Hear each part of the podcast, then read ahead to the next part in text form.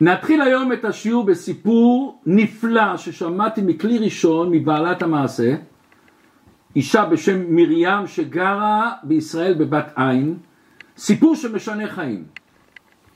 כמה מילים שהרבה אמר לה שינה לה את החיים, וכמה המילים האלה שינו להרבה הרבה אנשים את החיים.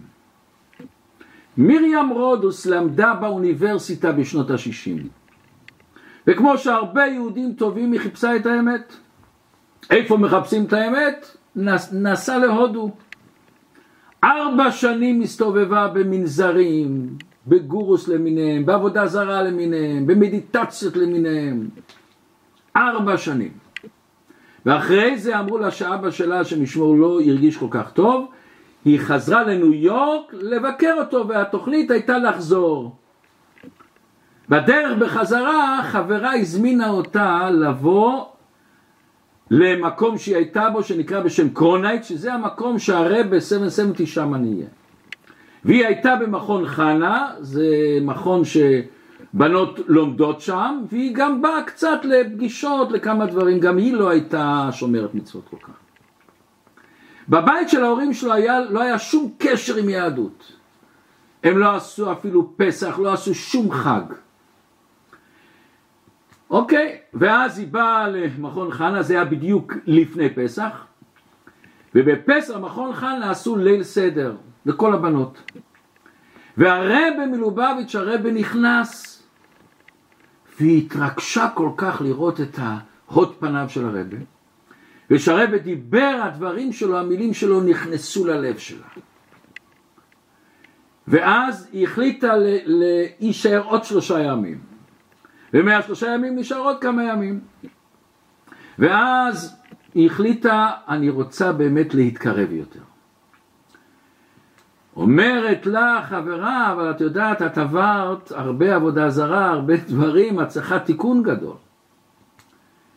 ועוד בנות אמרו לה, את יודעת, לך בעולם הזה כבר אין לך תיקון, את צריכה כנראה לעזוב את העולם הזה ולבוא בגלגול הבא שיהיה לך תיקון. בכדי לתקן את כל החטאים הגדולים. היא ישבה שעות שעות וכתבה לרב את הכל, שפכה על, המכ... על הנייר הזה את כל כל מה שהיא עברה. והיא קיבלה תשובה שהיא לא ציפתה לזה לגמרי. מה אנחנו היינו מצפים? או שהרבה באמת ייתן לה איזה תיקון גדול, או שהרבה יגיד לה תשמעי מה שהיה היה תתחילי עכשיו את החיים. הרבה עונה לה ככה, אני לא אומר את המילים, אני אומר את התוכן. הרב אומר כתוב יגעת ומצאת תאמין. מכיוון שיגעת ארבע שנים למצוא את הקדוש ברוך הוא ארבע שנים השקעת כל כך הרבה כוח היגיעה שלך הייתה מושלמת לחפש את הקדוש ברוך הוא. בוודאי המצאת שלך יהיה מושלם.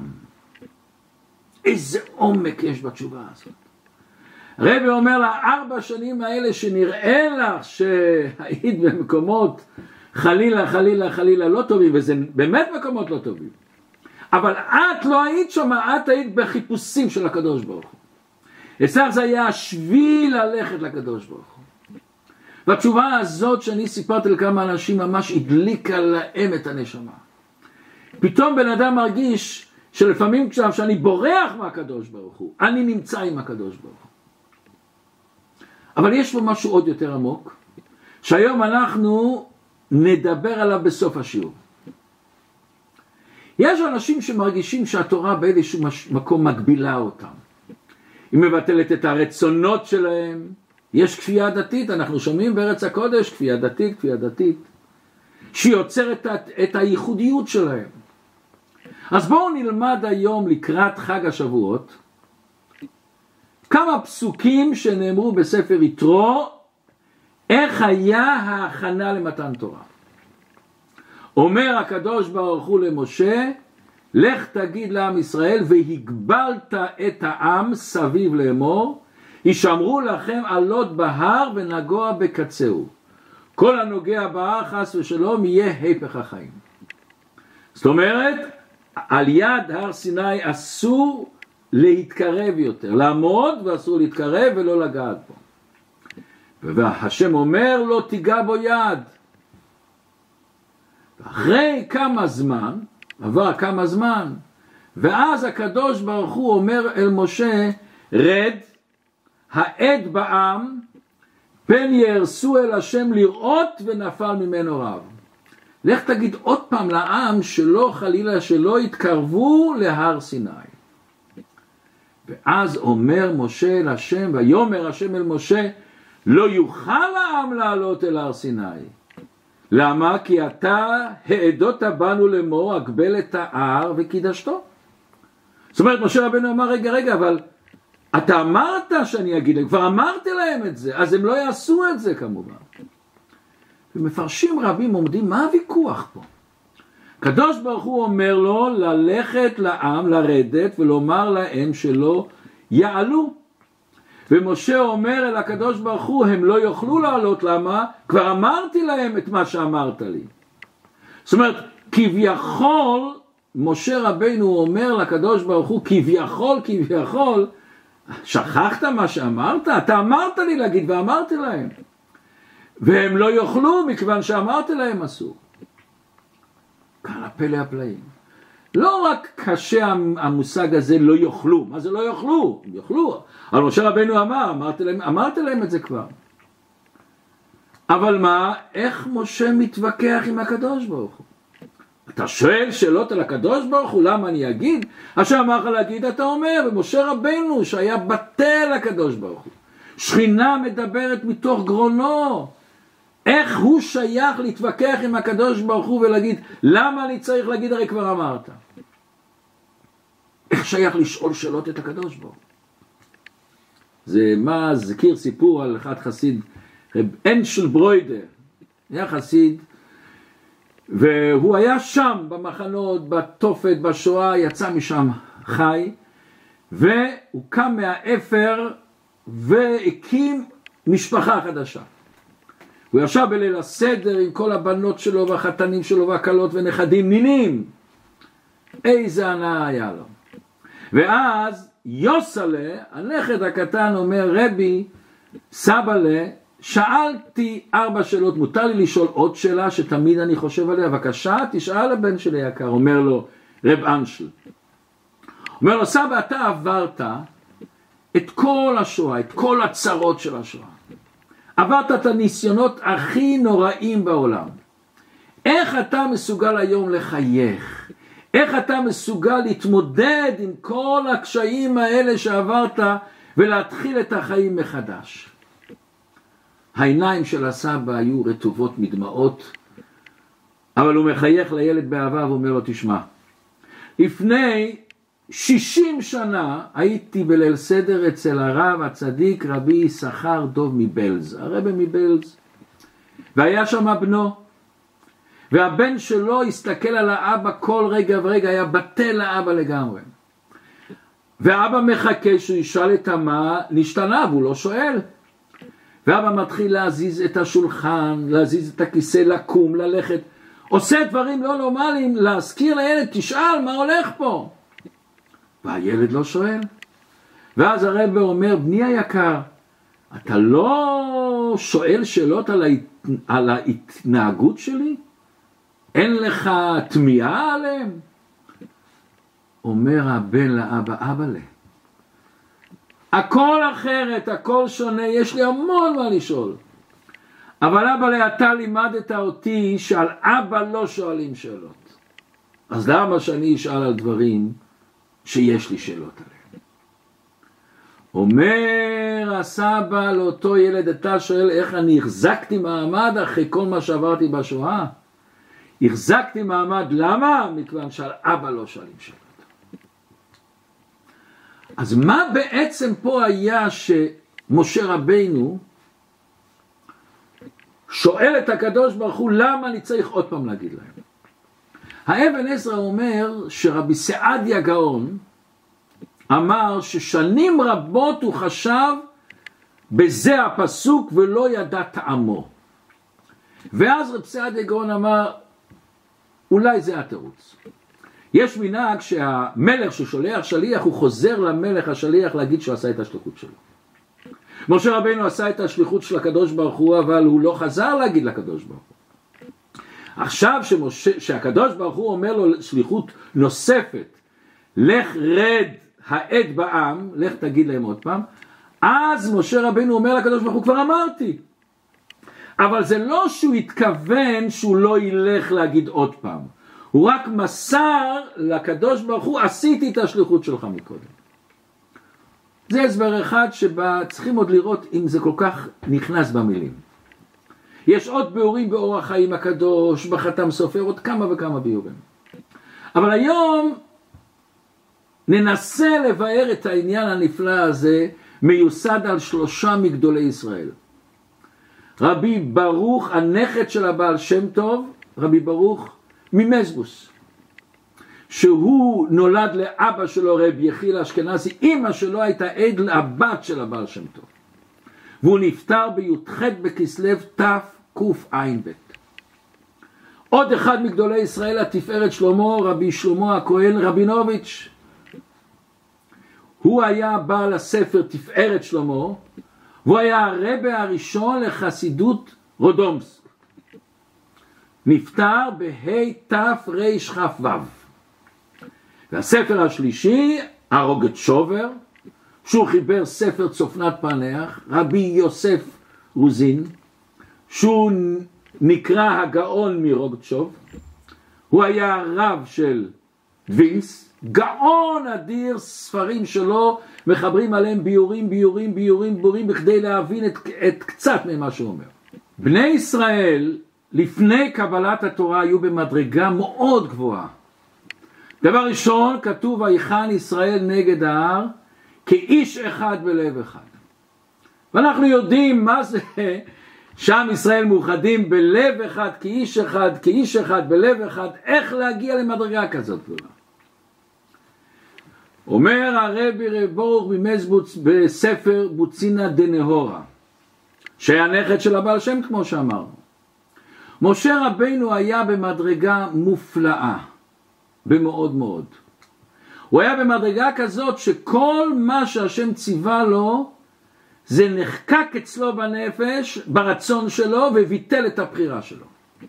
כמו שהקוצקי רבי פעם אמר, שהוא לא מבין למה סוגרים את הדלתות מהגנבים, הרי כתוב לא תגנוב, איך הוא יכול לגנוב? לא עלה על דעתו של הקוצקי רבי שבן אדם מסוגל לעשות מה שהשם אומר שלו. לכן משה רבינו, שאחרי שהוא ציווה לעם ישראל לא לעלות בהר, משה רבינו חשב שג... שגם עם ישראל, אם השם ציווה לא ללכת, הם לא יכולים ללכת. בני ישראל היו במדרגה כזאת נעשה ונשמע, היו במדרגה נפלאה של אהבה לקדוש ברוך הוא, דבקות בקדוש ברוך הוא, אחרי העבודה של כל הספירת העומר. אז משה רבינו אמר, הבחירה שלהם התבטלה לגמרי. עד שהשם אומר להם לא לעלות, בוודאי הם לא ילכו. אין להם בחירה יותר. ובתפארת שלמה הוא אומר באותם הימים לפני מעמד הר סיני עם ישראל היו במצב כמו עולם התיקון לעתיד לבוא. הוא אומר כמו שכתוב בתנא דבי אליהו שלעתיד לבוא אם יבוא אדם לקטוף תפוח מן העץ בשבת יצעק לו העץ שבת שבת שבת. במדרש רבה שיר השירים פרק א' י"ד כתוב רבי נחמיה אמר בשעה ששמעו ישראל לא יהיה לך נעקר יצר הרע מליבם. יש כזה סיפור נחמד שאחד הרבנים שהיה עבד את השם בתמימות פעם סיפרו לו שאחד מאנשי העיר פותח את החנות בשבת רחמנא ליצלן.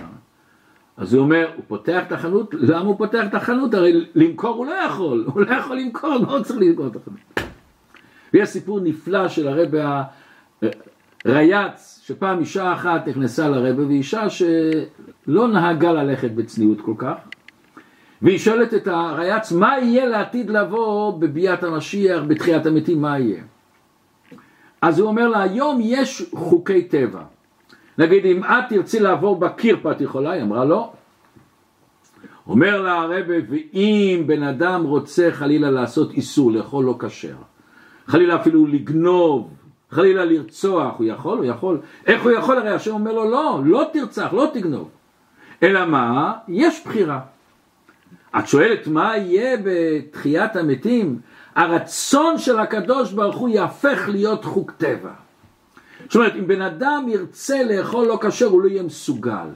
אם בן אדם ירצה לגנוב, היד לא תזוז, הרגל לא תלך. אז משה רבנו חשב שעם ישראל במדרגה כזאת גבוהה, אין אפשרות שהם ייגעו בהר. אז לא חס ושלום שהוא אומר לקדוש ברוך הוא, מתווכח עם הקדוש ברוך הוא. הוא לא מבין את הקדוש ברוך הוא. הוא אומר, אולי לא הבנתי טוב, לא הבנתי מה הרצון שלך. אולי עוד יותר עמוק. משה רבנו פתאום אמר לעצמו, אם השם מצווה לי ללכת ולזרז אותם עוד פעם, זאת אומרת שנעשה שינוי. לפני זה עם ישראל היו במדרגה, כמו שאמרנו, נעשה ונשמע, ביטול הקדוש ברוך הוא. הם כל כך היו כאיש אחד בלב אחד, ולא היה שייך שהם ילכו ויעלו להר. אבל אם השם אומר לי עכשיו שאחרי כמה זמן ללכת, רגע, רגע, רגע, רגע, אז אולי בא שינוי. שהם יכולים ללכת, כן. התחנן משה רבנו במסירות נפש לקדוש ברוך הוא ואומר שנישאר במדרגה הקודמת של ביטול שלא יוכל העם לעלות. אנחנו לא רוצים להגיע למצב שיש בחירה שאפשר לעשות עבודה זרה, גילוי עריות, שפיכות דמים, כל השנאת חינם, כל הניסיונות שעברנו. אומר לו השם לא, לא, לא, לא, לא. תכלית הכוונה בעולם הזה הוא דווקא על ידי בחירה. אומר הרב רב ברוך, זה מדויק בפסוק. הפס... השם אומר למשה לך רד, מה זה לך רד? הוא היה על המקום. אנחנו יודעים שב... שבחטא העגל, אחרי שבני ישראל עשו את עגל הזהב, גם השם אומר למשה לך רד. אומר שם הרתי, מה זה לך רד? תרד מהמדרגות הגבוהות שלך, מהגדלות שלך. אומר השם למשה רבנו לך רד, תרד מהמדרגות הגדולות שלך ותבין את המדרגות הפשוטות שלהם, שעדיין יש להם בחירה. יש להם בחירה בין טוב ורע ולכן תגיד להם עוד פעם. כמו שאומר רש"י לזרז אותם עוד פעם. שאותו הדיבור שאמרתי אתמול לא יעלו אבל נשאר להם הבחירה. למה? תכלית בריאת העולם הם בשביל הניסיונות.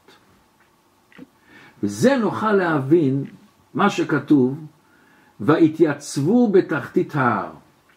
אומרת הגמרא מסכת שבת פ"ח, מלמד שכפה עליהם הר כגיגית. שואל התוספות של העצומה. מצד אחד כתוב שבני ישראל אמרו נעשה ונשמע, מצד שני כתוב שכפה עליהם הר כגיגית, ואמר להם אתם חייבים לקבל את התורה. אומר המהר"ל, מה הפירוש נעשה ונשמע? מה הפירוש שהנעשה ונשמע הזה הוא כפייה? אומר המהר"ל, בני ישראל אחרי שראו את כל גילוי אלוקות בעשרת המכות בקריאת ים סוף ופה לפני מעמד הר סיני גם היה גילוי אלוקות. כשאתה רואה גילוי אלוקות אתה מוכרח להאמין, אין לך אפשרות אחרת. אתה מוכרח להתקשר לקדוש ברוך הוא. אתה מוכרח לאהוב את הקדוש ברוך הוא. זה לא כפייה שאדם עושה שהוא לא רוצה, הוא משנה את הרצון שלך, זה גם כפייה, משנים את הרצון. אז בני ישראל אמרו מצד אחד נעשה ונשמע, אבל מצד שני הנעשה ונשמע זה היה גם כפייה, מכיוון שכביכול הוא משנה את הרצון הפנימי שלך, יש לך ברירות מוחלטת בקדוש ברוך הוא. ממילא אתה מקבל עליך עול תורה.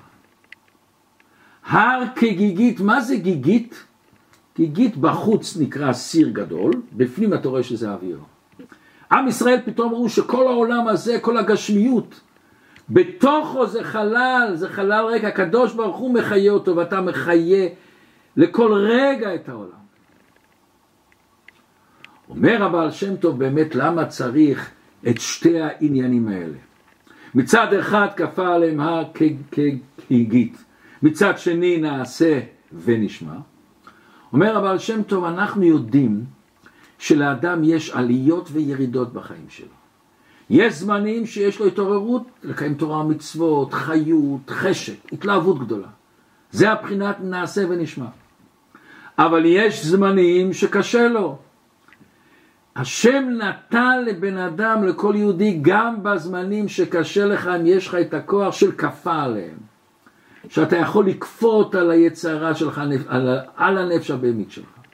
אתה יכול לגדול ולצמוח גם בזמנים שאין לך את הרגש וההתלהבות, יש לך את הכוח הזה.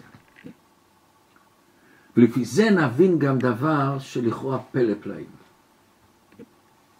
אנחנו מכירים שכתוב בשיר השירים וביום חתונתו אומר המדרש זה מתן תורה. גם בנוסח של הברכות שעושים מתחת לחופה ברכת האירוסין אומרים מקדש עמו ישראל על ידי חופה וקידושים. אחד ההסברים שהקדוש ברוך הוא הבעל ועם ישראל הם האישה והקדוש ברוך הוא מקדש את עם ישראל, הקידושים היו בחג השבועות בזמן מתן תורה. כמו שאומר המדרש, והרסתיך לי לעולם, נאמר בתלמוד, מה זה והרסתיך לי לעולם, שהקדוש ברוך הוא התחתן איתנו. ביום חתונתו זה מתן תורה. ועד כדי כך שהמון מנהגי חתונה בעצם היסוד שלהם בחתונת הקדוש ברוך הוא עם בני ישראל. כמו שכתוב בספר התשבץ למהר"ם מאוטנבורג, נקות כלל זה בידך כל המנהגים של חתן וכלה אנו למדים ממתן תורה שהקדוש ברוך הוא מראה את עצמו כחתן נגד הכלה של ישראל. במתן תורה היו מנהגי חתונה, איזה מנהגים? חופה, איפה היה חופה? כפה עליהם הר כגיגית. ההר הזה היה כמו חופה. היה כמו שעם ישראל, השם מכניס את עם ישראל אליו, מתקשר את עם ישראל אליו. במדרש רבה הוא, הוא אומר שזה עניין שהשם מתחתן עם עם ישראל. אבל עכשיו לכאורה לא מובן. בחתונה יש עניין של כפייה? בחתונה, הפוך, בחתונה צריך לכל זוג שהולך להתחתן, הוא הולך ברצון חזק, ברגש טוב, נעים לו להתחתן, לבנות בית יהודי. מה פתאום יש את החופה, את הכפייה? וזה גם באיזשהו מקום העניין של השושבינים שמוליכים את החתן והכלה. אומרת לנו התורה שבמשך החיים לא תמיד ההרגשות שלנו הן כמו שאנחנו רוצים. לא תמיד יש לך את אותן הרגשות כמו שאתה הולך להתחתן. יש עליות ויש ירידות. יש מצבים שחס שלום קשה לבני זוג ולא מבינים אחד את השני. אפילו שהתורה לפעמים יש מצבים שהתורה נותנת את, את האפשרות גם להתגרש, אבל באופן כללי בדרך כלל אומרת התורה שהקשר צריך להיות גם בזמנים של ירידות. זה לומדים ממתן תורה. עכשיו נתן לנו את, את הכוח של כפה עליהם, שאתה יכול לגדול מזה, לצמוח מזה. ומתן תורה שמייצר קשר פנימי עם כל אחד ואחד מישראל. כל יהודי קשור עם התורה במהות שלו, בכל הזמנים, בכל המצבים. לכן תראו דבר נפלא, האותיות של לוחות הברית היו אותיות חקוקות. למה חקוקות? מכיוון שאותיות הכתב זה שתיים, יש לך את הנייר ואת האותיות. אתה יכול גם למחוק אותם. אותיות חקוקות זה חלק מהאבן. ועוד יותר, זה לא היה חקוק רק מצד אחד, שאז אני יכול לחתוך את האבן, ואז האותיות הלכו. היה כתוב שהן היו חקוקות מצד לצד. והיה נס היו יכולים לקרוא אותם משני הצדדים. מכיוון שאם אני חוקק מצד לצד, בצד השני זה הפוך. עוד יותר כתוב מ' וס' בנס עומדים. הירושלמי אומר שזה היה חקוק מארבע צדדים. למה השם עשה את הנס הזה? יש לנו כלל שהשם לא עושה סתם ניסים. הקדוש ברוך הוא רוצה לומר שהתורה ואתה יהודי חקוקות בך וזה המהות שלך, אתה לא יכול לברוח מזה. מצד לצד, משמאל לימין ומאחורה וקדימה זה מכל הצדדים. זה המהות שלך. ועכשיו נבין דבר שהרבה אנשים שואלים. אנחנו מכירים את המשנה המפורסמת, אין לך בן חורים אלא מי שעוסק בתורה. ואנשים אומרים מה שהתחלנו בהתחלה, לכאורה התורה מגבילה אותנו, לא עושה אותנו לבן חורים. איך אנחנו אומרים, אין לך בן חורים אלא מי שעוסק בתורה. בואו נבין את העומק של זה. כשהרופא אומר לנו שהוא בדק אותנו ואומר לנו אסור לנו לאכול דבר מסוים. סוכר לא בריא. יש אנשים שרגישים לגלוטן, שאוכלים גלוטן חלילה הם במצב של סכנת נפשות. אומר לו הרופא אסור לך לעשות את זה. והבן אדם שואל איפה כתוב את זה בספר החוקים? בספר החוקים של הממשלה? זה לא כתוב בתורה כזה דבר. החוק, החוק הזה זה לא חוק מחוץ עליך. זה המהות שלך, כך נולדת, זה העצם שלך, זה המצ... הפנימיות שלך. זה הפוטנציאל הפנימי שלך שדוחף אותך לאכול בריא. אדם לא מכניס את היד לאש, הוא שואל למה לא מכניס את היד לאש? זה המהות שלך, אתה לא מכניס את הראש גם למים, זה המהות שלך, זה לא חוק מסוים שמגביל אותך, זה אתה, אם בן אדם מרגיש שזה הגבלה, יש לו טעות עצומה, זה לא מגביל אותך, זה מגדיל אותך, זה המהות שלך. בא בן אדם אומר, יש לי טלפון, קניתי טלפון, אני הבעל הבית עליו. אוקיי, אני לוקח את הטלפון הזה, זורק אותו אל המים. אומרים לך, ספר הרעות כתוב שאסור. מה זאת אומרת הספר הרעות אומרים שאסור? מה אסור? אני בעל הבית, אני עושה מה שאני רוצה. זה המהות של הטלפון. המהות של הטלפון מצווה עליך לא לעשות, לא לזרוק למים. אדרבה, כשאתה אוכל את הדברים הבריאים, את הדברים, את הדברים שלא בריאים, את הדברים שמזיקים, אז אתה כופה על עצמך. אז אתה עצם המהות שלך, אתה שובר אותה. אז אתה משעבד את עצמך לתאוות שלך, לתשוקות שלך, להרגשות שליליות שיש לך. יש כזה בדיחה, מגיע הפקיד מבית משפט לתת הזמנה לבן אדם לבוא לבית משפט. ואז הוא שואל, האם חי כאן החיים לוי? אומר לו חיים לוי, לא.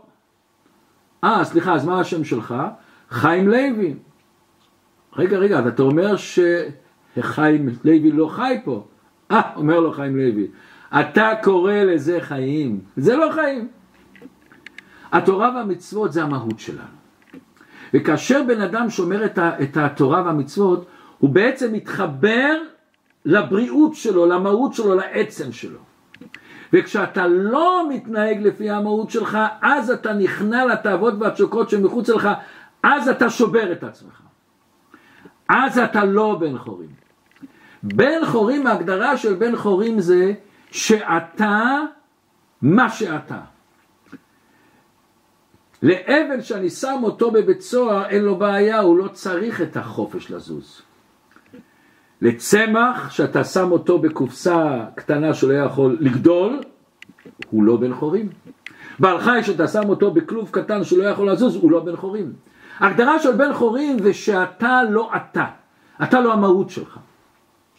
יהודי והתורה זה אחד. אין לך בן חורים אלא מי שעוסק בתורה.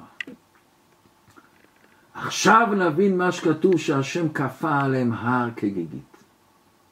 זה לא רק הכפייה הזאת שאני, גם שאין לי חשק ואין לי מרץ, אני בכל זאת עושה מה שאני צריך לעשות. זה הרבה יותר מזה. זה לא הכפייה שאנחנו מכירים שמישהו מבחוץ מכריח אותנו לעשות דבר שזה נגד הטבע שלנו, שזה נגד הרצון שלנו. אדרבה, הכפה עליהם כגיגית זה הכפייה להיות מה שאנחנו באמת. כמו שרופא מכריח את החולה לאכול מה שמתאים לו, מה שאתה צריך באמת לאכול. הקשר של יהודי עם הקדוש ברוך הוא ועם התורה זה במהות שלו, בעצם שלו. עכשיו בואו נחזור רגע לסיפור הראשון הנפלא שהתחלנו את השיעור שלנו, על אותו מרים. הרבי ענה לו שכל פעם שיהודי מחפש את הקדוש ברוך הוא, גם אם הוא מתרחק, בעומק הריחוק יש קשר להשם. הוא תמיד מחפש את השם. זה דומה לרופא שאומר לנו שאסור לעשן, אסור לאכול, שבעצם אני מחפש את הבריאות שלי. אני מחפש את הטוב שלי.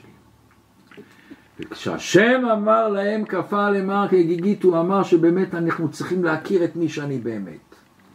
להכיר את הטבע הטבעי שלי, של היקום שלי. את המציאות שלי, שאני במהות שלי קשור לקדוש ברוך הוא. בעצם שלי אני קשור לקדוש ברוך הוא. יש סיפור מרגש מאוד. שמעתי את זה מרב שמואל לו, הוא שליח של הרבה בלונדון. הוא סיפר שפעם הוא נסע באווירון, וכמו חסיד חב"ד אמיתי באווירון הלך מאיש לאיש לבקש לעשות הנחת תפילין. אז כמובן בהתחלה הוא שואל אתה ייד, אתה יהודי וכולי וכולי. אבל אם מישהו שואל אתה יהודי כן, אולי אתה רוצה לעשות הנחת תפילין? לו לא לא לא לא לא, אני עם הקדוש ברוך הוא גמרתי. מה קרה? הוא אומר. אני עברתי שואה, עברתי צרות, המשפחה שלי נהרגה, אני אין לי קשר יותר ליהדות, אין לי קשר יותר לקדוש ברוך הוא, התנתקתי ממנו לגמרי. רב שמואל הוא רב חכם, אומר לו תשמע, זה שאתה לא מניח תפילין וזה שאתה מתנתק מהיהדות וזה שאתה בורח מהיהדות שבך, זה גורם שהיטלר מנצח אותך. מה היטלר רצה? היטלר רצה להרוג בני אדם או להרוג את היהודי שבך? את היהודי שבך. אז אם אתה אומר אני מתנתק, הוא מנצח אותך. אותו יהודי מסתכל בעיניים של רב שמואל ואומר לו, אתה אומר לי שאני אנצח את היטלר? הוא כבר אותי ניצח. הוא מתחיל לספור את אבא שלי, את אימא שלי, את האחים שלי, את האחיות שלי, את אשתי, רשימה שלמה. אותי הוא כבר ניצח. אוקיי. רב שמואל הוא עזב אותו והלך למישהו אחר, בחור צעיר. אומר לבחור צעיר, אולי אתה, אתה יהודי? כן, אולי תניח תפילין? אומר לו, לא, לא, לא. אבל אמא אומרת, למה לא? תניח תפילין, תניח תפילין. הוא מניח תפילין. ואז הוא שם לב שאותו יהודי שלפני רגע, לפני רגע צעק עליו, לך, לא רוצה, היטלר אותי כבר ניצח, מסתכל. ואז הוא החליט, אני עושה את התפילין, את הנחת תפילין מהר, שהוא יראה שזה לא סיפור גדול. הוא מניח לו את התפילין, אומר לו את השמע ישראל, ומיד הוא מוריד לו את התפילין, אפילו לא מקפל אותם, וניגש לאותו בן אדם שאומר שהיטלר אותו ניצח ואומר לו נו, שאלה אחת, נו. אז הוא אומר לו, תשמע, אם אני אי פעם יניח תפילין, זה לא בשבילי, זה רק בשבילך אני אניח. רב שמואל יש לו חוש שמיעה. אנחנו ששומעים את זה, שומעים שכבר יש פתח. כמו שאנחנו מכירים שמישהו רוצה למכור משהו, והשני אומר, זה לא למכירה, לא למכירה, לא למכירה. הוא אומר, אם אני כבר אמכור פעם, זה יהיה רק במחיר הזה והזה והזה, אז יש כבר פתח. אז הוא אומר לו, שמואלו, תשמע, אני גם מניח תפילין כל יום. אבל תדע לך, אני מניח תפילין לא בשבילי רק, בשבילך ובשביל כל עם ישראל, שיהיה זכות לכל עם ישראל אני מניח תפילין. לקשר אותנו ביחד מתוך אהבת ישראל. יהודי הזה אומר לו, אוקיי, אביא לי תפילין. הניח תפילין. הניח תפילין ורב שמואלו חוזר למקום שלו. בסוף הנסיעה באה אשתו של אותו בן אדם ואומרת לרב שמואלו תודה רבה לך. מה תודה רבה? ריפית אותו. מה? מה? הוא אומר, מזמן שהוא הניח תפילין, יושב על הכיסא ובוכה ובוכה ובוכה. ואת כל הכאב, את כל הצער, את כל הטרגדיה, הוא שופך החוצה. ופעם ראשונה ראיתי אותו מחייך. ופעם ראשונה הוא אומר לי, חזרתי הביתה. זה הכוח שהקדוש ברוך הוא הכניס בכל אחד מאיתנו, בי ובך ובך. קשר לקדוש ברוך הוא בכל מצב. ואף פעם לא נוכל להתנתק מזה. שיהיה לכולנו חג שמח, ושנקבל את התורה בשמחה ובפנימיות.